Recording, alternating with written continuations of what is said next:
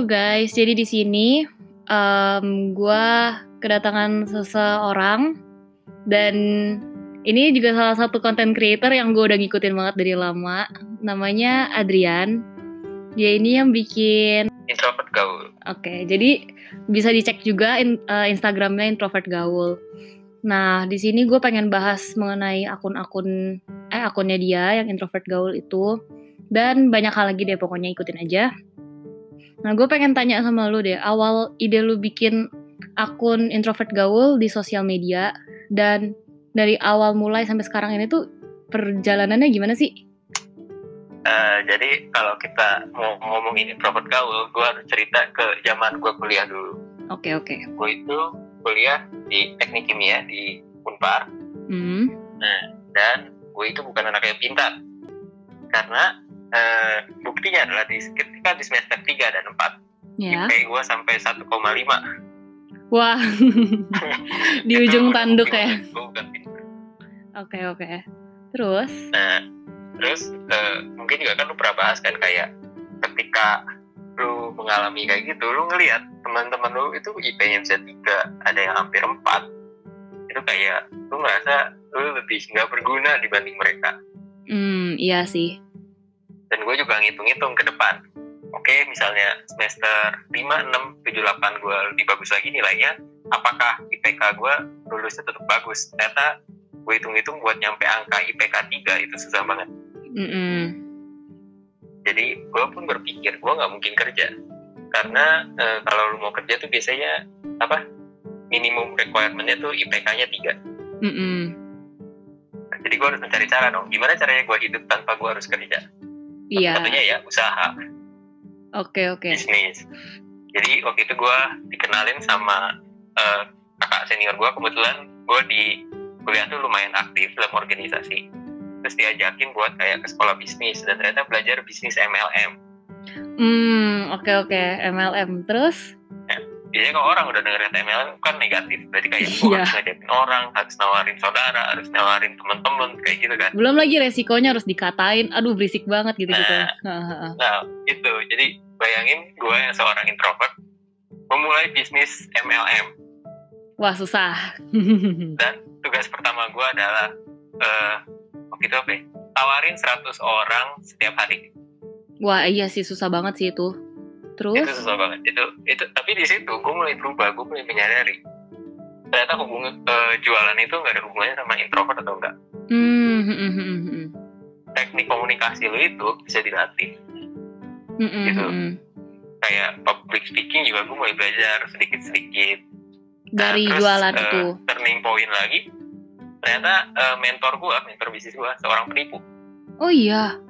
Iya dia ngegelapin duit Terus gimana dong itu? Sampai berapa yang akhirnya dia di penjara. Wah, gila banget sih. Dan sekolah bisnisnya kan bubar. Uh, uh, uh, uh. Bahkan sampai sekarang teman gue ada yang masih nggak mau bisnis lagi karena trauma gitu kayak. Iya kita sih. udah dikasih mimpi gitu-gitu. Ngeri banget. Ya, mentornya tiba-tiba nipu dan di penjara.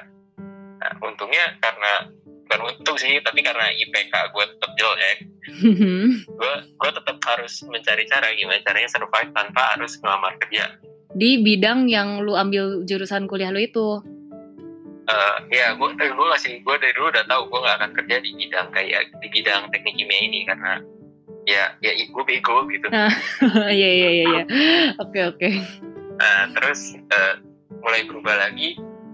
Waktu itu gue juga minder sih sebenarnya gue minder terus akhirnya gue memutuskan oke okay, gue belajar fitness dulu deh gue nemu mentor gue yang berikutnya mm-hmm. namanya Brody Balo mungkin mm-hmm. kalau ada yang tahu dia seorang youtuber membahas tentang fitness oh oke okay, oke okay. nah kalau lihat video Brody Balo dia tuh cara ngomong depan kamera cara nanggepin orang itu sangat bagus gue sampai bingung gitu nah, waktu itu karena gue udah bayar coachingnya dia gue pun tanya ke dia gimana mm-hmm. caranya supaya dia bisa kayak gitu Mm-hmm. Dan ternyata jawabannya adalah sebetulnya dia introvert. Oh iya. Dia introvert. Tapi kenapa bisa kayak gitu? Karena Jago ngomong ya. Terus gue direkomendasiin buku yang dia selalu pakai namanya How to Win Friends and Influence People. Mm-hmm. Itu buku legendaris sampai sekarang kalau cari itu sering banget habis. Oh, nah, oke. Okay, Setelah itu gue gue udah dapet ilmu gue udah mulai kayak oh jadi sebenarnya kayak public speaking gitu, bisa dipelajarin bahkan maksudnya lu bisa jago cuma dengan belajar gitu. Benar-benar nggak ada hubungannya sama introvert.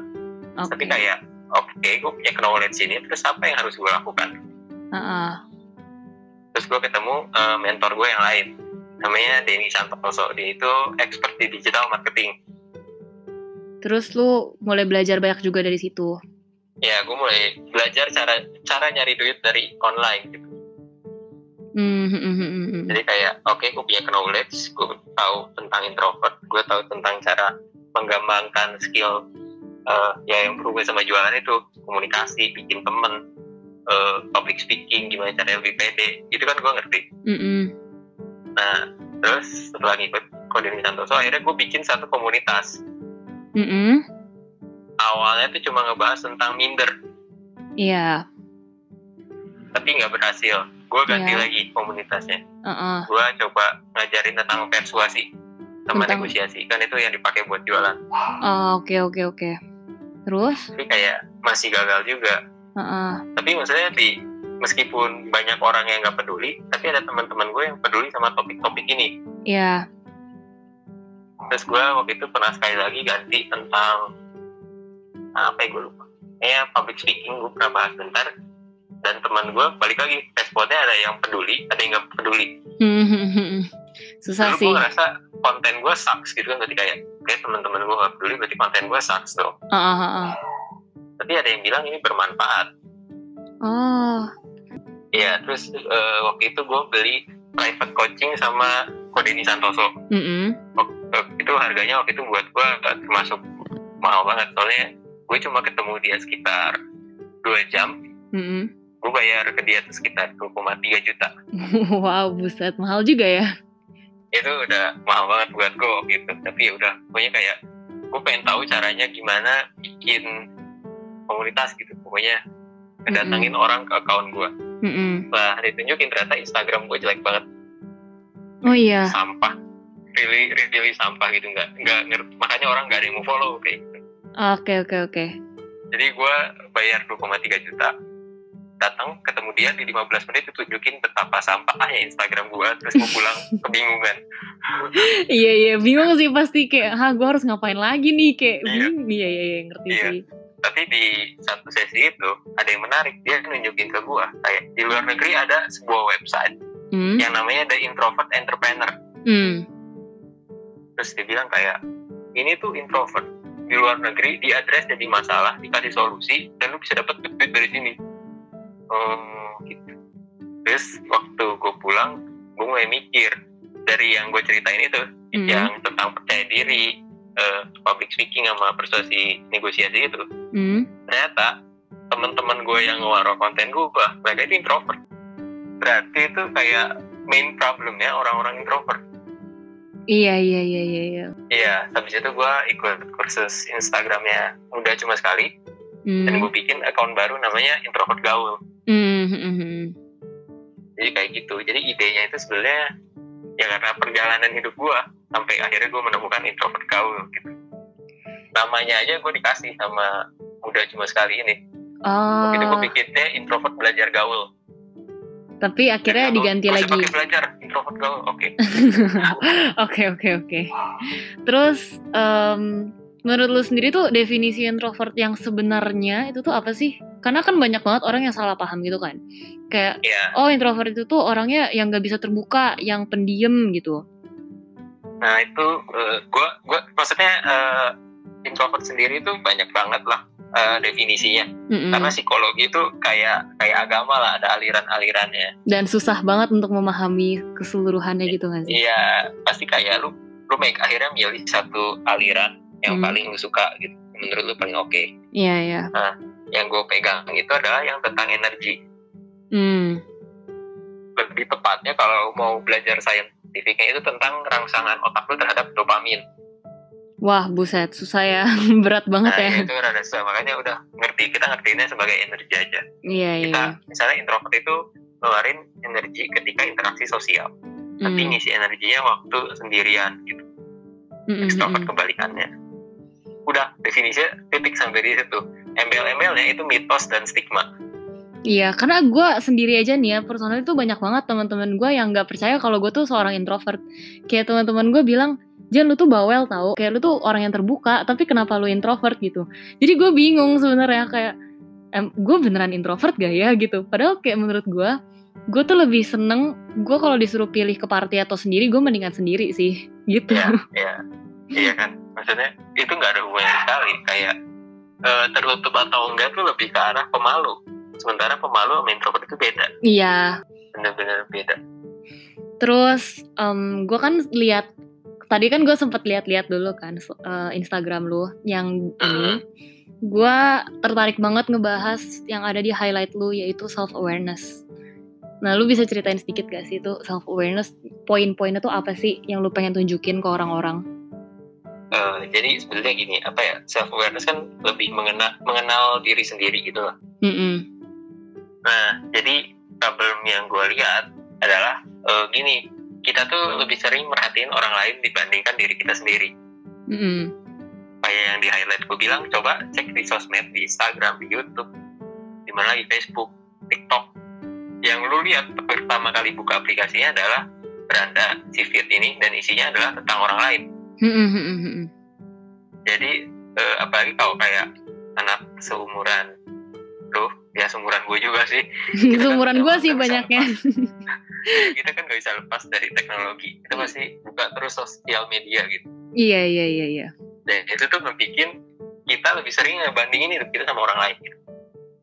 Mm-mm. Kita Jadi tuh nganggap kalau orang lain tuh lebih superior di antara kita, di, di depan kita. Padahal yang ditunjukin sosmed itu kan gak nyata. Kita tahu gitu. iya bahwa mereka juga ada ada ininya masing-masing, ada susahnya juga gitu. Iya, iya betul. Cuma karena sosmed jadi kita kebawanya, oh kita hidup tuh harus kayak begitu. Iya, Kita tuh harus kayak begitu. tau gak sih gue nggak. juga gue mengalami itu sebenarnya. Iya kan, pasti. Ada iya, masanya kita ngalamin kayak gitu. Kayak gue pengen jadi kayak dia. Gue bagaimanapun caranya gue harus kayak dia gitu. Iya. Jadi gue iya. mencoba hal-hal yang gue nggak suka, tapi karena gue ngeliat dia sukses di situ, jadi gue mau coba gitu. Betul, betul. Nah itu yang gue angkat lagi tentang self awareness di hari ini. Gue ngingetin ke orang-orang kalau, eh, oke, maksudnya lu ngeliat, lu udah terlalu banyak ngeliatin hidup orang lain, lu Mhm. sampai lupa siapa diri lu sendiri. Iya iya iya iya. Padahal kayak Nah. semua orang juga beda-beda kan, nggak semuanya Betul. sama gitu. Terus ada nggak sih tips social skills gitu loh untuk orang-orang yang di social media, apalagi kayak banyak banget yang ngerasa, aduh, kayak yang tadi gue bilang kan, gue ngeliat kayak gitu karena gue ngerasa gue nggak pede sama apa yang gue lakukan gitu, gue insecure. Ada nggak sih tips Nah, social skillsnya itu? Jadi kalau kita ngomongin PD, kita tuh basicnya harus self awareness dulu. Hmm, Kita harus ngerti dulu kita tuh siapa, hmm, kita punya potensi di mana, kita punya kelemahan di mana, gitu. Dan setiap orang itu beda. hmm, Masalahnya kalau lu nggak kenal diri lu sendiri, lu mau melakukan sesuatu, lu aja akan ragu gitu kayak, eh bener nggak ya ini, bener nggak ya? iya sih, Di dikomentarin dikit kayak, ah mungkin orang itu bener. ragu Akhirnya ragu ragu. iya nggak ragu. Tapi wajar gak sih Harus self awareness. wajar gak sih di seumuran gua yang masih kayak belasan gitu loh jadi kayak masih bingung kita tuh gimana kita harus ngapain gitu gak sih dulu lu gitu wajar, gak sih wajar, wajar, wajar, wajar banget iya.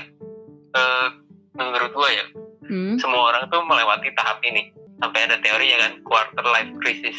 iya tapi kayaknya terlalu muda gak sih untuk quarter life crisis atau enggak Enggak juga sih, gue kayaknya juga umur. Iya, lu lu termasuk yang muda sih kalau nyadar yang gini. Makanya gue juga kayak kaget, wih, kenapa SMA udah mulai bikin podcast kan yang tadi gue bilang. kayak gue tuh baru nyadar hal kayak gini di umur 20-an. Iya iya sih iya sih justru banyak banget juga orang yang nanyain gue kayak gitu sebenarnya Iya, tapi soalnya quarter life crisis kan sekitar 25, 20 sampai 25. iya di mana orang-orang yang mestinya udah lulus kuliah kali ya mikirin kayak gitu Ya, udah mau lulus, udah mau lulus paling cepat. Terus em, ada bahasan lagi yang menurut gue tuh menarik nih. Bakat atau talenta, lu percaya nggak bakat atau talenta itu tuh bisa dipelajarin? Eh, ya jadi kan tadi kayak balik lagi psikologi itu kan ada berapa banyak aliran. Hmm, ada teori ini teori itu. Ada yang bilang kepribadian bisa diubah ada yang bilang nggak bisa. Pokoknya akhirnya kita pilih salah satu yang menurut kita paling benar kan? Mm-mm. gue milih yang nggak ada yang namanya bakat. Hmm, hmm, hmm, hmm.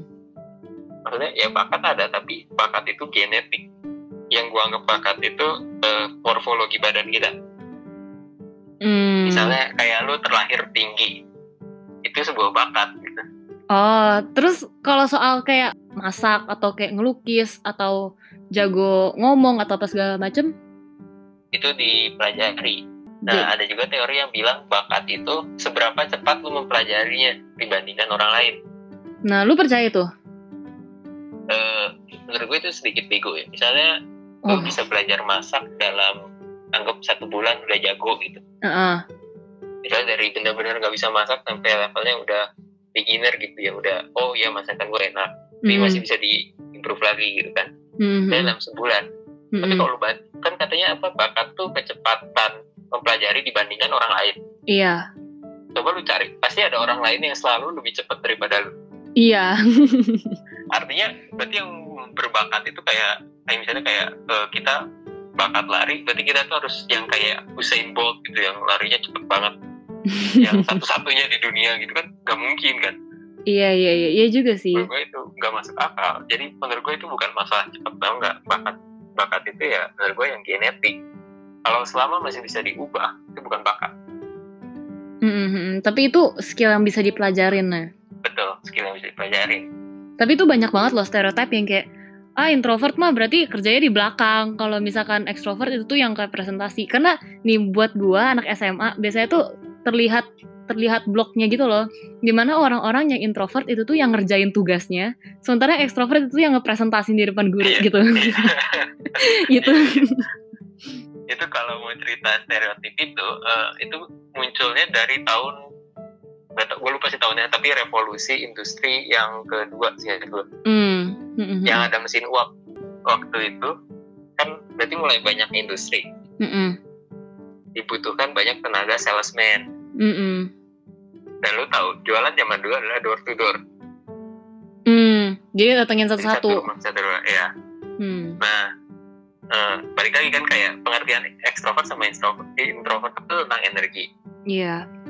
bayangin ekstrovert itu energi kalau ketemu orang jadi semakin banyak orang yang dia temuin kayak dia semakin aja gitu Iya, dia semakin semangat untuk mengerjakan lain lagi gitu. iya jadi kayak kalau dikasih tantangan sehari lu harus jualan ke 100 orang baik itu easy buat mereka gitu Hmm, hmm, hmm, hmm. sebenarnya buat introvert tuh mungkin 10 orang juga dia udah capek pengen pulang ke rumah Iya banget. nah akhirnya makanya orang orang muncul stereotip salesman yang bagus itu yang ekstrovert hmm. introvert simpen di back office aja gitu Jadi itu terbawa situ. sampai sekarang gitu. Iya tapi kalau zaman sekarang tuh udah nggak ngaruh sama sekali kita bisa jualan online Iya, iya, iya, iya. Bahkan orang yang introvert kayak lu aja introvert tapi lu bisa aktif di sosial media. Pasti orang-orang juga awal-awal gak nyangka dong kayak, "Hah, lu introvert gitu." Iya. Iya iya kan? sampai sekarang juga masih dipertanyakan Dan gue juga mengalami itu sih. Kayak kita soalnya kan aktifnya di sosial media. Tapi iya kalau ketemu kalau dibalikin lagi ke kehidupan nyata juga beda gitu loh karena sosial media kan apa yang kita mau kasih lihat ke orang yang nonton kita gitu kan. Nah terus em, lu pencapaian lu untuk ke depannya tuh apa aja sih? Kalau boleh tahu ya. Ini goal goal ke depan ya. Mm, mm, ini gue masih bingung sih gue boleh ceritain atau nggak ya keluar? Jadi waktu itu gue udah ditawarin sama eh, penerbit dari eh, Alex Media buat Mm. bikin buku. Jadi gue sedang proses membuat bikin buku gue wow buset. Keren juga. Dari sosmed jadi bikin buku. Tapi banyak sih emang akses kayak gitu. Kayak dari sosmed dan lu diketahui di sosmed itu. Jadi kayak lu bikin buku sendiri gitu. Eh ini balik ke marketing sebetulnya. Ada demand. jadi kan kayak gue udah punya follower di sosial media. Dan mereka Mm-mm. tuh senang baca konten gue kan bukan karena fisik gue gitu kan. Iya iya iya. Bukan bukan model atau selebgram gitu. Jadi karena iya iya. gue update konten tentang ini mereka suka mereka pengen lagi sampai nge-follow gitu. Ah, ah, ah. jadi kan kira-kira kalau orang mau nerbitin buku dan lihat follower gue yang aktif eh, Hmm. jumlah follower segini mereka udah bisa kira-kira dong oke berarti mungkin akan kejual sekian cetak gitu. Mm, mm, mm, mm, mm. dan, dan karena emang topiknya menarik ya udah gue diajak gitu. Dan itu dan itu harapan lu untuk kayak jangka waktu berapa lama gitu hmm, buat jangka itu itu enggak sih kayak apa ya kayak ya udah gue nyobain list buku Maksudnya kayak kalau tujuan awalnya kenapa bahkan gue bikin apa uh, account Instagram introvert goal ini gue emang pengen bikin online course gitu. Hmm, hmm, hmm, hmm. tapi nggak Ya, nggak ada yang nggak ada yang tahu Apa? juga bisa sampai kayak gini gitu kan ya? Iya betul. Gue pun awalnya meragukan karena ya waktu gue upload upload di account pribadi gue juga teman gue kayak gak peduli gitu kan. iya gue iya kira masalahnya tuh nggak nggak besar. Ternyata orang banyak banget yang ngerasain gitu. Jadi ini karena apa ya cara gue ngemasnya juga sih.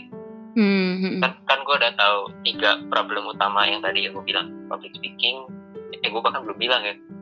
Problem utama introvert tuh ada percaya diri, Hmm, eh, social skills, hmm, hmm. bergaul sama orang, sama public speaking. Hmm, itu concern tiga paling gedenya jadi Hmm. karena gue uploadnya tentang tiga hal itu hmm, ya mereka kan datang terus mereka baru mulainya dari oh apakah gue introvert gitu hmm, hmm, akhirnya atau atau ada yang emang introvert dan pengen pengen mecahin masalah itu jadinya datang gitu.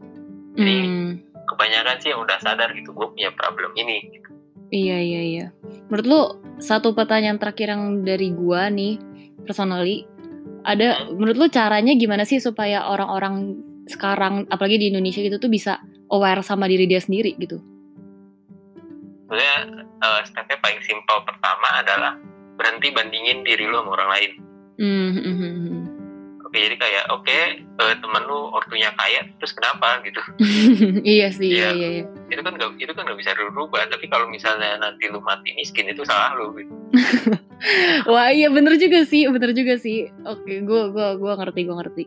Hmm. ya ngerti kan kayak lu ngapain ngebandingin sesuatu yang ya, ya udah nggak bisa diubah gimana lagi gitu Hmm, hmm, hmm, tapi masa depan lu itu tuh yang ubah gitu. Justru kita tuh gak bisa bandingin diri kita sama sama orang lain yang kita lihat tapi kayak Iya. bandingin ke depannya kita tuh gimana gitu loh. Kita Iya.